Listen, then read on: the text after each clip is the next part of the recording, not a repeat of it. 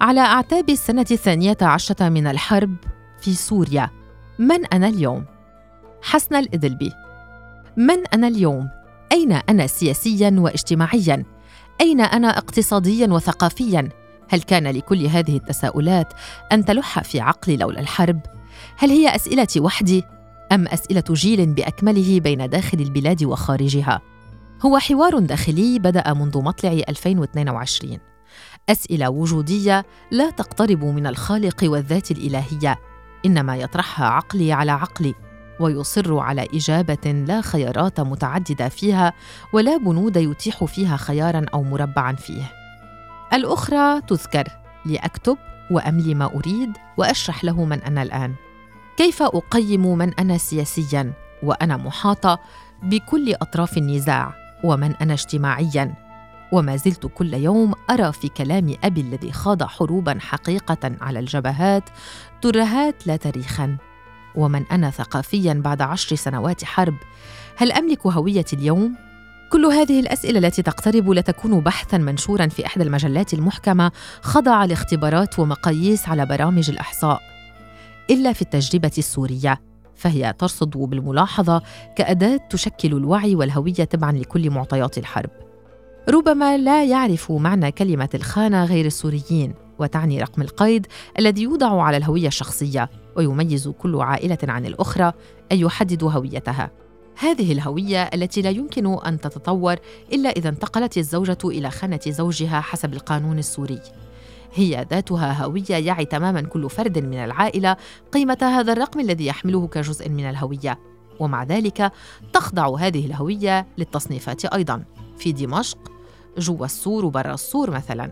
في الأرياف قدم الرقم وأولويته حتى يقال هؤلاء جلب في دلالة على أنهم ليسوا من السكان الأصليين. وتبقى هذه الهوية الأولى التي يحملها أي فرد من دون رأيه تماما بفعل القدر. ومع ذلك تخضع لتصنيفات المجتمع ويتعلم مع العمر ويعي كيف يجب أن يدافع عن قضية لا ذنب له فيها أمام المجتمع. وكذلك كل الهويات الأخرى السياسية الدينية الاقتصادية الاجتماعية والثقافية. تعود الذاكرة إلى أيام المدرسة الابتدائية حيث كان مدير المدرسة يدعوني لارتداء علم البلاد والوقوف في أول صف في مسيرة لأجل فلسطين المحتلة أو الجولان المحتل. سألت ابنة الاثني عشر عاما حينها لماذا فلسطين محتلة؟ ولماذا الجولان أيضا؟ انطلق أبي الذي لم يتوقف حديثه عنهما حتى الآن في كل مناسبة محاولا أن يزرع في ابنته فكرة القضية التي لا تموت وموجها نحو فكر سياسي واحد بعيدا عن الكتب المدرسية. هكذا تماما يتشكل الوعي تجاه أي قضية ورثناها عن ظهر قلب. لا تختلف فلسطين بالنسبة إلي عن فلسطين بالنسبة إلى صديقتي السورية الفلسطينية لين التي تتحدث يوميا عن حلم العودة إلى بلد لا تعرفه وأنا أيضا. وفي سياق آخر تبحث فيه النفس عن هويتها اليوم. تعود الذاكرة إلى حديث أبي مطلع الحرب وهو يتحدث عن حروب شوارع خاضها على الجبهات ومطاردات للخارجين عن القانون حسب وصفه. يوم كان في الخدمة الإلزامية. ويصف بدقة المشاهد فأعلق قائلة له كنت سوبرمان بابا. يغضب أبي الذي يحاول أن يقنعني بأن الحروب إما حياة أو موت ربح أو خسارة ولا مفاوضات فيها. لأن الصراعات يجب أن تحسم. يحاول جاهدا أن يبرهن بنظرياته الخاصة أن أي تغيير يشبه الانتحار لأننا شعوب لا تمتلك أدوات التغيير.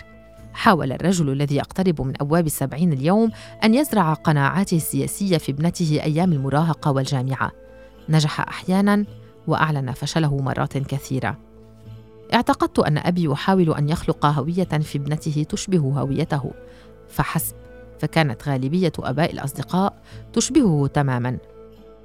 إنها إحدى نظريات أبي أيضا الذي يشير إلى أن الرمادي لون قبيح وأن الوضوح في اللون من دون المزج هو أهم ما يحدد أي هوية للشخص. أبي الذي أخطأ حين حاول أن يورثني هذه المفاهيم بداية العام 2011 يوم اصطف الناس جميعا وحكموا بعضهم البعض على هويات وانتماءات سياسية وثقافية. يوم كانت بعض المفردات هي التي تقيس الهويات السياسية للأفراد مع أو ضد. نسأل اليوم أنا وزميلي الصحافي في العمل محمد مع من وضد من؟ لماذا مع وضد أصلاً؟ نحاول أن نبحث أين كنا في 2011 ونستعيد ذكريات على الفيسبوك الذي يحفظ كل شيء عن ظهر قلب. يحاول أن يديننا كأشخاص لنسأل أنفسنا لماذا كتبنا أو عبرنا هكذا. هل من كتب أنا؟ يضحك محمد. شو كنا أغبياء. هل حقا كنا أغبياء؟ أم أن هويتنا السياسية والثقافية والاجتماعية لم تكن متشكلة حينها؟ هل من الطبيعي لشباب في أوائل العشرينات أن تكون هويتهم السياسية والاجتماعية والثقافية غير متشكلة؟ يجيب صديقي محمد على السؤال وكأنه فيلسوف أسس نظريات تشكل الهويات. هويتنا الحقيقية هي الموجودة اليوم في 2022 تحديدا هي التي تحدد من أنت ومن أنا اليوم. نكتب اليوم عن بعضنا ونحن نعيش داخل البلاد بحب. هويتنا التي تجمعنا اليوم داخلا وخارجا هي هموم الحياة وهي الحرب البعيدة عن السياسة والمعارك الخاسرة لأنها أكبر منا نحن جيل الحرب. يقول الباحث اللبناني علي حرب في أحد تعريفاته للهوية إنها صبغة مركبة وملتبسة بقدر ما هي سورية مبنية على التعدد والتعارض وهي عقدة من الميول والأهواء بقدر ما هي شبكة من الروابط والعلاقات. وهي توليفة من العقائد والمحرمات بقدر ما هي سيرورة نامية ومتحركة من التحولات والتقلبات. وكأنه يشير إلى أنها تحتاج إلى عمر ليس بالقصير لكي يبني أي فرد هويته.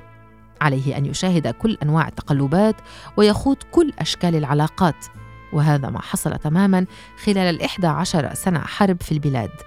كثيرون وكثيرات من تشكلت هويتهم السياسية والثقافية ربما بعد عمل مدني دعا لتقبل الآخر كما هو من دون اصطفاف أو تصنيف وربما بعد موقف سيء أو قذيفة كانت عابرة للموت لأن آخر جعل آخر يميل بمقدار سنتيمتر واحد فعبرت القذيفة حياته ليصل إلى ما هو عليه اليوم.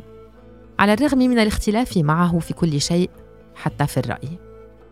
يقولون في كل الأعراف إن كل شيء يبدأ صغيرا ويكبر إلا الموت ويقولون أيضا إن الوقت كفيل بالنسيان.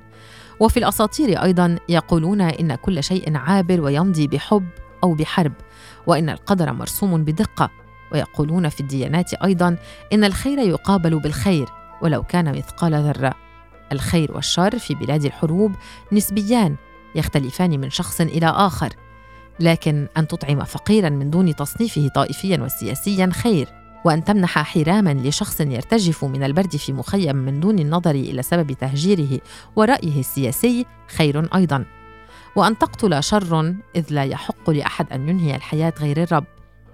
هي الحرب التي علمتني كما صديقي محمد أن نشترك في الموت والحياة في هذه البلاد وأن التصنيفات زائلة والسياسة أكبر من أحجامنا نحن العاديين الذين نسير كيلومترات على الأقدام لتعذر النقل وأن أكبر صراعاتنا هي على مقعد في سيرفيس.